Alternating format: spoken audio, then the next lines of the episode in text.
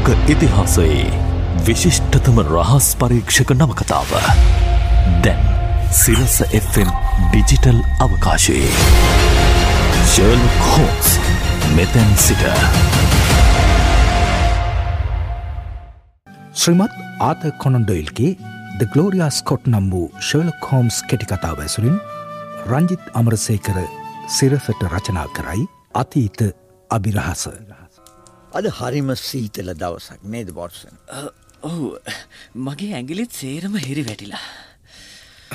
ඔය පුටු ඇදගෙන තවටිකක් කිට්වෙන්න මේ ගිනි උදුන ළඟට මොනවද ඔය අවස්සන කඩදාසිකුට මගේ මුල්ම යුගේ පරීක්ෂණ ඔබ මගේ කතාලියන්න වෙන්න හුඟ කලකට ඉස්සර සිද්ධ වෙච්චේවා. මේවා ගලෝරියාස් කොට් සිද්ධියට සම්බන්ධ කඩදාසි. මෙන්න මේ පනිවිඩේ කියවල තමයි සමාධාන මිශ්‍යකාර ට්‍රැව මැරිල වැටුනේ. බලන්න මේක කියවලා ඔබට යමක් තේරුම් ගන්න පුළුවන්ද කියලා. මේක ඔබ අධ්‍යනය කරන්න වටිනවා. The supply of game for London is going steadily up.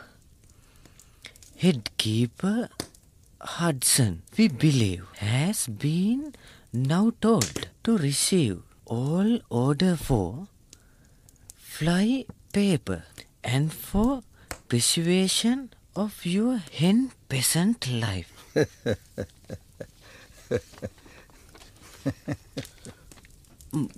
මොකක්ද මේ විකාර ලියවම මේක ග්‍රීක් භාෂාවෙන් තිබුණ නම් මීට වඩා හොඳින් තේරුම් ගන්න තිබුණා.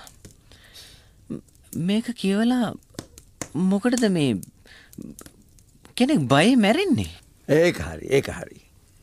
ඒත් ඕක කියවලා හොඳ හැඩි දැඩි මැදිවේ පුද්ගලයෙක්. හරියට කුළු ගෙඩි පාරක් ඔළුවට වැදුන වගේ ඇදගෙන වැටුණා. ඒත් ඇයි ඔබ කිව්වේ මම මේක අධ්‍යයන කරන්න වටිනවා කියලා. මේක තමයි මගේ පළමුවැනි පරීක්ෂණය. මං මීට කලින් කොයි තරම් උත්සා කරලා ඇද්ද හෝම්ස් මුලින්ම රහස් පරීක්ෂණ කටයුතුවලට යොමුණේ කොහොමද කියලා දැනගන්න. ඔන්න ඔන්න අද තමයි ඔබ ඒ ගැන වච්චනයක්වත් කිව්වේ. මං කවදාවත් ඔබට කියල නැද්ද වික්ට ට්‍රව කියල කෙනෙක් ගැන. නෑ කවදාවත් නෑ. මම අධ්‍යාපනය ලබන කාලි මට හිටපු එකම යාළුව තමයි වික්ට. පොට්ෂන් දන්නවානේ මම වැඩිය යාළුමිත්‍රුව ආශය කරන කෙනෙක් නෙමෙයි. එතකොටත් මං කළේ මගේ කාමරයට වෙලා දොරාගුළු දාගෙන එක එක දේවල් අත්හදා බලපු එක. දැන් වගේම තමයි එන. කෙනෙකුගේ හුඟා ගති පුරුදු ජීවිතයේ තියෙනකම් වෙනස් වෙන්නේ නෑ. කඩු ශිල්පයයි බොක්සින් ක්‍රීඩාවයි හැර අනි කිසිම ක්‍රීඩාවක් ගැන මං උනන්දුවක් දැක්වේ නෑ. ඉතින් මගේ අනිත් පාසල් සගයොත් එක්ක මිත්‍රකම් පවත්වන්න මට අවස්ථාවක් ලැබුණ නෑ. ට්‍රවර්ගෙයි මගේ මිත්‍රකමත් අපූරු විදිහකට ඇතිවෙච්ච එකක්. වසන්තය ආරම්භ වෙලා.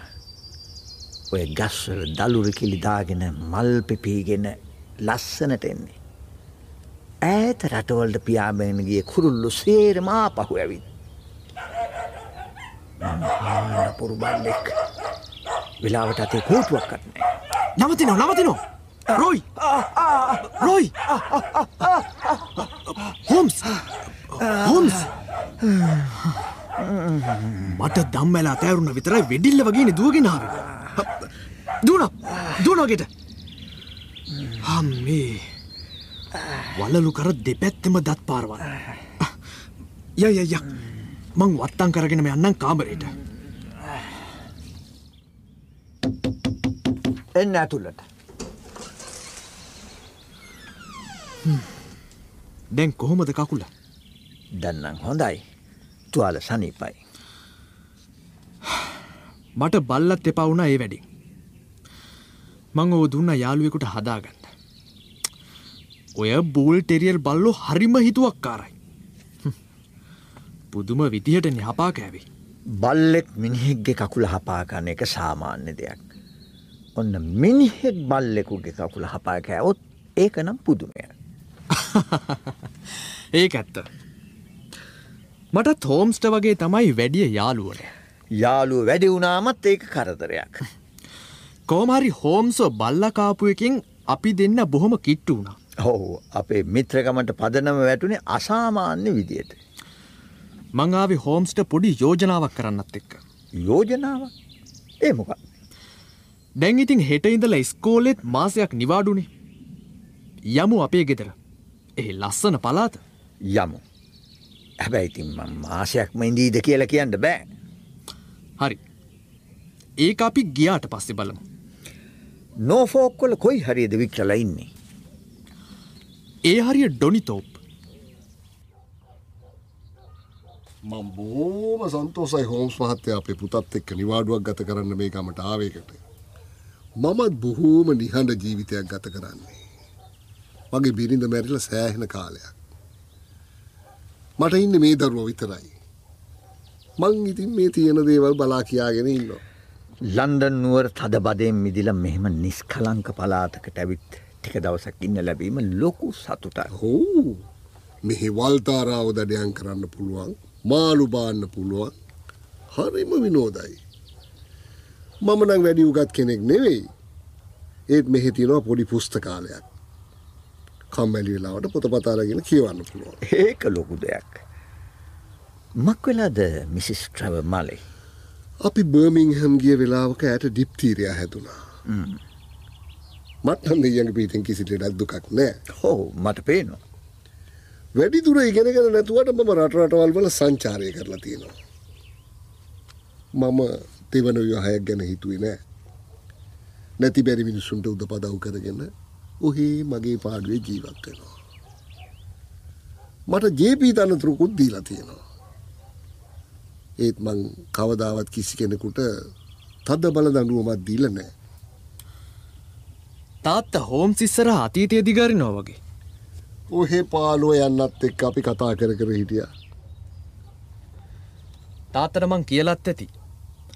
හෝම්ස් හරි දක්ෂයි අභිරහස් විසඳන්න. ඕන කෙනෙක් දිහා බලලා ඒ කෙනාගේ අතීතයේ පවා කියයි. හැබැට එක බොහොම ලොකු හපංකමක්නේ. එහෙනම් කියන්න බලන්ඩ මාදිහා බලල මොනවද එළබෙන්න්න පුළුවන් නිගමන. මං ඔය වික්ට කියන තරං හපනෙක් දන් නෙවෙයි.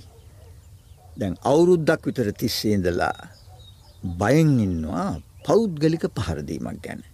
හරිද. ඔවු ඒක ඇත්ත තමයි. වික්ටද මතකද අපි අර හොරෙන් සත්තු දඩයන් කරන්න හොරු රංචුව සීසීකට යව්වට පස්සේ උන් දිවුරල කිව්ව අපෙන් පලිගන්නවා කියලා. ඇත්තටම මේ රංචුව ශ්‍රීමත් එඩ්වඩ් හෝබිට හැංගිල ඉඳලා පහර දුන්නා. මගේ දායින්දලම බොහොම පරිස්සමෙන් තමයි ඉන්නේ. ඒත් මට හිතාගන්න බෑ ඔබ මේ කාරණාව කොහොමද දැනගත්තේ කියලා. ඔබළඟ තියෙන බොහෝම හුරු බුහුටි බස්තමක්. ඕකෙ කොටල තියෙන දිනය අනුව ඔබ ඒක පාවිච්චි කරන්න පටන් අරගෙන තියෙන්නේ අවුරුද්දක් විතර ඉඳලා. ඔවු ඒත් ඔබ බස්ත මේ පහල කොටස හාරලා ඒ කෝරට ඊයම් පුරෝල තියෙනවා. එතකොට ඒක තමන්ගේ ආරක්ෂාවට ආයුධයක් විදියට පාවිච්චි කරන්න පුළුවන්. මං කල්පනා කළා ඔබට තරිජනයක් නැත්තං. ඔබ ඒ විදිය පියවරක් ගන්න එකක් නැහැ කියලා. වෙන මොනවද ඔබට කියන්න පුළුවන්. ඔබ තරුණ කාලේ බොක්සිං ක්‍රීඩාවේදිලා තියෙනවා. හරි කෝමද ඒක දැනගත්තේ. මගේ නහය ඇද වෙලා පැතලි වෙලා නෑ. ඔබේ කන් දෙක. ඒ දෙක පැතලි වෙලා ගුරූසු වෙලා තියෙනවා. කාලයක් බොක්සිං ක්‍රීඩාව යෙදෙනකොට එක වෙනවා. වෙන මොනවද මා ගැන කියන්න පුළුවන්. ඔය ඇගේ හම රළු වෙලා තියෙන විදියට කියන්න පුළුවන්. ඔබ කැනීම් කටයුතුවල යෙදිලා තියෙනවාගේ. ඕ මගේ හැම සිලිමක්ම හම්බ කළේ රත්තරංආ කරවලින්. ඔබ නවසීලන්තයට ගිහින් තියෙනවා. හරි ජපානට ගිහින් තියෙනවා. හරියට හරි. ඒ වගේම ඔබ ජඒ කියන මුල් අකුරු තියෙන කෙනෙක් එක්ක බොහෝම සමීප සම්බන්ධකං ඇතිකරගෙන හිටිය. පස්සේ ඒ අයව අමතක කරන්න ඔබ ලොකූ වෙහෙසක් දැරුවා. ආ? තාත්තට තාතර කලන්ත ඇදුන ආ මං කොල්ලරක බොරුල් කල්ල පවන් ගන්න ඉක්මට වතුර ටිකක් ගේන්ද මං වතුර ගෙනාව. තකෝගන්න තාත්තේ තාත්තේ මේ ළමයි බයවෙන්ඩ ඇති. මං බොහොම හැඩි දැඩි කෙනෙක් වගේ පෙනුනට මගේ පපුේ බොහෝම දුරුවල තැනක් තියෙනවා. බොහෝම සුළු දෙයකට මගේ සිහිමූර්චාවෙන්ට ඉඩ තියෙනවා. මදන්නෑ ඔබ මේක කොහොම කලාද කියලා මිට. හෝම්ස්. බලනකොට ලෝකෙ දක්ෂම රහස් පරීක්ෂකයෝ ඔබ ඉදිරිය අතදරුවෝ. මං හිතනවා මං කියාපු දේවලින් ඔබ සිත්වේදනාවට පත්වනේ නෑ කියලා. ඇත්තටම ඔබ බොහෝම සංවේදී තැනකටයි ඇඟිල්ල තිබ්බේ. මට මෙන්න මේ ප්‍රශ්නට උත්තර දෙන්න. ඔබ මා ගැන දන්න ටික මොනවද නැති ටික මොනවද. හිනා වුණාට හොඳටම බයවෙලා ඉන්න වගයි පේන්නේ. ඒ වගේ වසං කරන්න හැදුවට එක මූනෙන් එලිවෙනවා. අපි ඔරුවෙන ගිලා මාළු බාද්දි. ඔබේ පිත්තට ට්‍රවු් මත්සෙක් අහුන්න වෙලාවේ. ඔබ වූ ඔරුවට දාගන්නකොට. මන් දැක්ක ඔබේ අතේ වැලමිටට පහලින් ජේ කියන අකුරු දෙක පච්ච කොටල තියෙනවා. අකුරු පෙනුනත් ඒවයි අපහැදිලි ගතියක් තිබුණා. ඒ අවට හමත් දුර්වන්න වෙලා තිබුණ. ඒකෙන් පැහැදිලි වුණේ ඒ හුරු පුරුදු අකුරු මකලදාන්න පසුව උත්සාහයක් දරපු වගයි. ඔබට තියෙන්නේ උකුසු ඇස් දෙකක්. ඔබ කියන එක හරි. ඒත් අපි ඒ ගැන කතා නොකරඉදිමු. අපි ඉදිරියේ හොල්මං කරන දේවලින් පරණ හිතවත්කම පිළිබඳ මතකේ තමයි නරකම හොල්මන. යමු. අපි ගිහින් බිලියත් සෙල්ලං කරමු.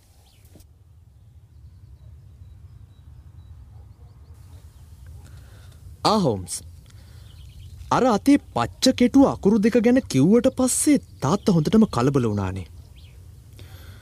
හෝම්ස් තාත්ත ගැන දන්නේ මොනවද නොදන්නේ මොනවද කියන එක දැන් තාත්තට ප්‍රශ්නයක් වෙලා. ඕ වචනින් නොකිවට හිතේ සැකේ තදට තියෙනවා. එහින්ද මම අද හැන්දෑවේ මෙහින් පිටත් වෙන්න තීරණය කළා. කලබල වෙන්න එපා හෝම්ස්. තව දවස් දෙක තුනයි නිතියෙන්නේ නිවාඩු ඉවර වෙන්නත් නෑ. ඒ හේතුව නිසාම නෙමෙයි. යාළුව දෙන්න බර සාකච්ඡාවක් වගේ. හෝම්ස් අදහවස යන්න ඕනේ කියන්නේ. ඇයි එච්චර හදිස්සි. නෑ හදිස්සියක් නෙමෙයි. ට්‍රැව මහත්තයව හම්බ වෙන්න කෙනෙක් ඇවිත්. මාව හම්බෙන්ඩ මොකක්ද නම මම ඇහුවා නම කියන්නේ ඉතින් ඇහුවෙනද ඕනකම මොකක්ද කියලා. මං ඇහුවා හ්ම්. ඒ මනුස්සය මහත්තයව හඳුනනවලු.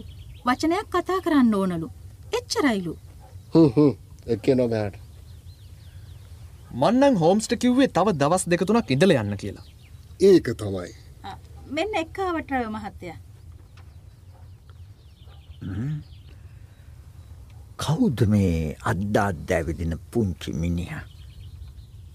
දත් කහම කහපාටයි. මං ඉක්මට එන්න. මේ මිනිිය දෙකපු ගමන් තාත්ත කෙට දිවී මොකද. ඔව් යාළුවා. මොකක්ද මගෙන් කෙරෙන්න ඕන? ගේ ඇතුළට ගිහින් බීල ඇවිත්. මා වඳුනන්නේ නැද්ද? මොනවා? අනේ හැබැට මේ හඩසන් එන්නම්. හරියට හරි. එනම් මා වඳුන ගත්තා අපි අන්තිම වතාවට මුණගැහිලා දැන් අවුරුදු තියකටත් වැඩීනි ට්‍රව මහත්තයනං හොඳට ගේදොර හදාගෙන දෙයනේ කියලා ඉන්නවා. ඒ වනාට මට එදාවේල හොයාගන්න එක එක්කෙනට අතපාන්න සිද්ධ වෙලා. නෑ නෑ නෑ නෑ නෑ. ඒ අපේ පරණ දේවල් මට අමතක වෙලා නෑ හත්ස. යන්ඩ යන්න කුස්සියට. ගිහින් කැමති විදිහට සප්පායන් වෙන්න. මං මොකක් හරි රස්සාාවක් ලෑස්ති කරලා දෙන්නංකු අනේ ඒක ලොකු දෙයක්. මම අවුරුදු දෙකක්ම බඩු නැවක වැඩ කළා.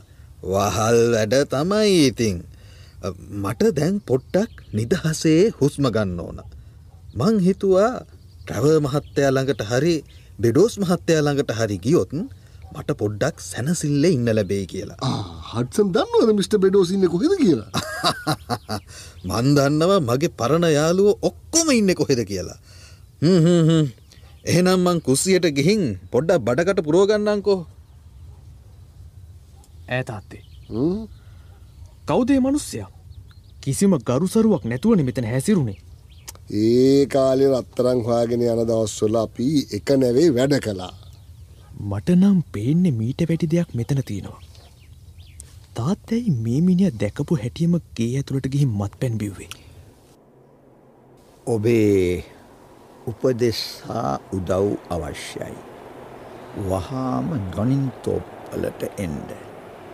වික්ක ටැව.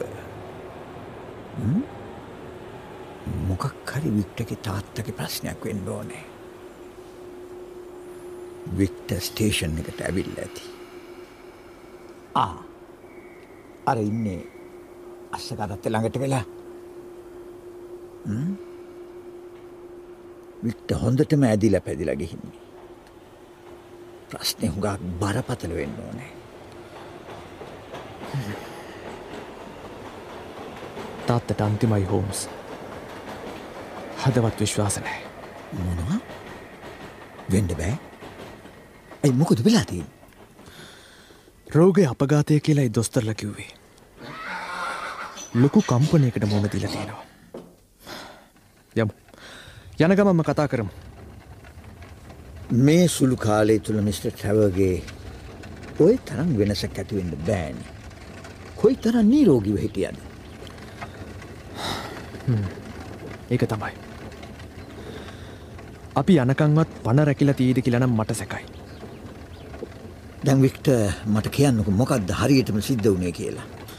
හෝම්ස් දන්නවද හෝම්ස් ආපහු ලන්ඩන් එන දවසේ උදයාපු අමුත්ත කවුද කියලා. නෑ කවුද ඒ තමයි යක්ෂයා. සාතන් මොනොද මේ වික්ට කියන්නේ. ඒ මනුස්ස වේසෙන් නිදාවේ යක්ෂයා. ඒ යක්ෂය අපේ ගෙදරට පය ගහපු මොහොතඉඳලා අපේ ගෙදර කිසිම කෙනෙකුට සැනසිල්ලින්ට ලැබුණෙනේ. ඔච්චර එඩිත්තර ශක්ති සම්පන්න තාත්තත් ඊට පස්සේ කවදාකුවත් කොන්ද කෙලින් තියාගෙන හිටියනෑ. දැන් තාත්ත ටිකෙන් ටික පනාතිනවා. මේ හඩසන් කියෙන අමනුස්්‍යයක් ගෙදරට ගොඩ වැදුණු දවසමයි තාත්තගේ හිත කැඩුණේ. මොකත් දොයි විදිට මිට. ට්‍රැවව අල්ලෙනට වන්න හත්සන්ට තියෙන බලය. ඒක දැනගන්න පුළුවන්නම් මං ඒ වෙනුවෙන් ඕනෑ තරම් මුදල් වියදං කරනවා. හැමෝටම කරුණාවෙන් සලකපු උදව් පදව් කරපු තාත්තා කොහොමද මේ දුෘෂ්ටයාගේ අතට හුණ රූකඩයක් වුණේ. හෝම් සාපු එක මට ලොකු ශක්තියක්. මන් දන්න ඔබ මේක හරියට තේරුම් ගනි. ඔබ හරි උපදෙස් මට දෙයි. හරි. එදාම පිටත් වෙලා ගියාට පස්ස මොකදූනේ. තාත්ත මිනිහට තෝටකාර වැඩේ බාර දුන්නා. මිනිහ එකට කැමති වුණේ නෑ. ඒ ගමන මිනිහව බට්ලර් තනතුරට උසස් කලා. ඒත් මිනිිය සෑහෙමකට පත්තුන්නේ. ගෙදර සේරම මිනිහගේ අතකොළු බවට පත්වෙලා හිටියේ. සැලී මෙටවරෙන් ඇයි මොකද උඹ මායිස්සරහින් පද්ද පද්‍යයන්නේ නිකං ලොක්කි වගේ මං කොහොම ගියාම හඩසෙන්ට මොකද හඩසන් හඩසන් නෙමෙයි මිස්ට හඩසන් මේට් කෙනෙක් දැනගණ්ඩෝ නෑ බට්ලට කතා කරන හැටි. මේ වීදුරුවට තව පොඩ්ඩක් වක්කරගෙනනවා අනේ මට නම්ද ට්‍රව මහත්තය මට පනී හොඳටම. ට්‍රැව මහත්තය එච්චර ලොක්කෙද්ද ට්‍රැව මට සලකන්නේ හරියට යාළුවෙකුට වගේ. ඔවුඹලට පේනව ඇතිනි. ඒව මන්දන්න මට බෑ අයිති නැති රාජකාරි කරන්න ගෙන් රස්සාාව නැති කරගන්න. ආරි හරි හරි හරි. මං කරදර කරන්න පොඩ්ඩක් මෙහාට වරෙන්කෝ. ඇයි මොකද? උඹ හොඳ හැඩකාරයකි. හරියට රෝස මලක් වගේ. වරෙන් මගෙළඟට පොඩ්ඩක් උඹේ ලස්සන බලන්න. අනේ අනේ අතාරෙන්න්න මං කෑගානවා ඔය එක සිද්ධියක්. ඔහොම සිද්ධි කෙලවරක් නෑ. ගෙදර සේවිකාව මේ මිනිහගෙන් බේරෙන්න්න බැරිතැන තාත්තට පැමිණිලි කරා. අස් වෙලා යන්න හැදුව. ඉතින් මොකක්ද මිට. ට්‍රව කළේ. කළේද. කළේ සේවිකාවන්ගේ පඩි වැඩි කරපු එක. හටසන් දිගටම නොසන්ඩාල් විදිහටයි හැසිරුණි. තාත්තර කිසිම ගරුසරුවක් දැක්වේ නෑ. දවසක් මගේ ඉවසීමේ සීමාව ඉක්මවා ගියා. වික්ට වික්ට ඇයි තාත්තේ? කුවර මගේ හොඳ දඩයන්තුවක්කුව මන්නන් දැක්කෙනෑ. ඔය කාමරය නේද තිබුණේ? ඔවු. පෙරේදත් මං පිහදාල සුද්ද කරලා මේ බිත්තියට හෙට්ටු කරලා තිබ්බනි.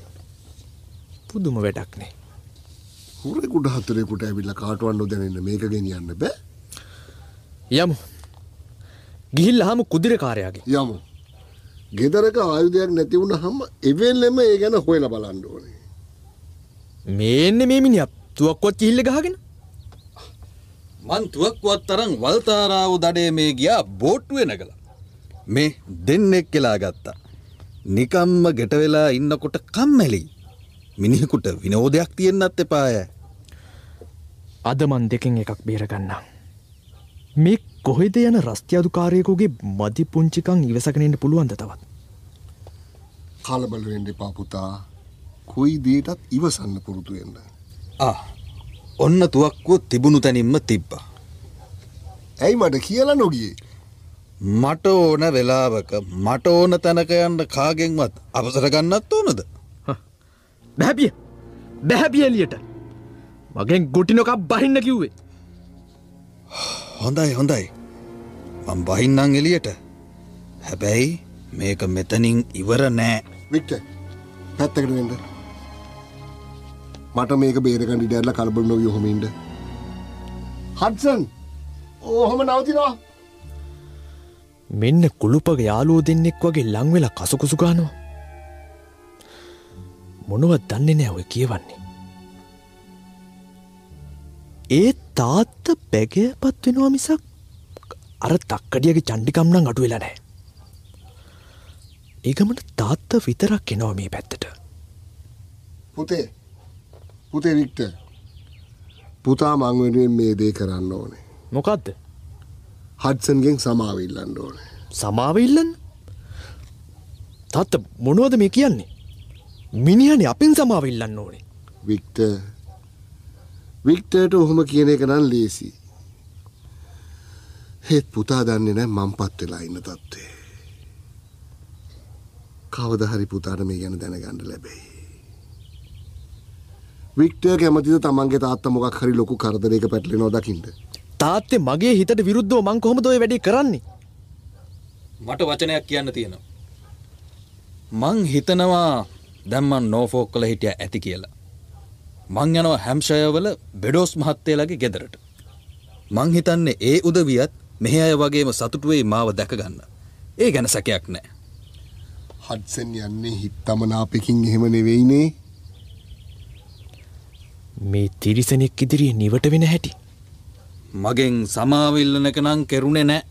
වික්ට වික්ට මේ මනුස්්‍යව කමිස කරෙන් අලලා එලියට ඇදල දැම්මනේ ඒක නිසා සමාවිල්ලන එක සාදා සමාව සමාව නෙවෙයි. අපි මෙතෙක් ඉවසුපු ඉවසිල්ල හොඳට මැති ආ, එහෙමද? හොඳයි හොඳයි. අපි බලාගම්මුකෝ. එකරයෙන් එලිවෙන්න නෑනේ ජර්ලොක් හෝම්ස් සෑම අඟහරුවාදා සහ බ්‍රහස්පතින්දා දිනකම සවස හතරට සිරස FM YouTube නාලිකාවොස්සේ.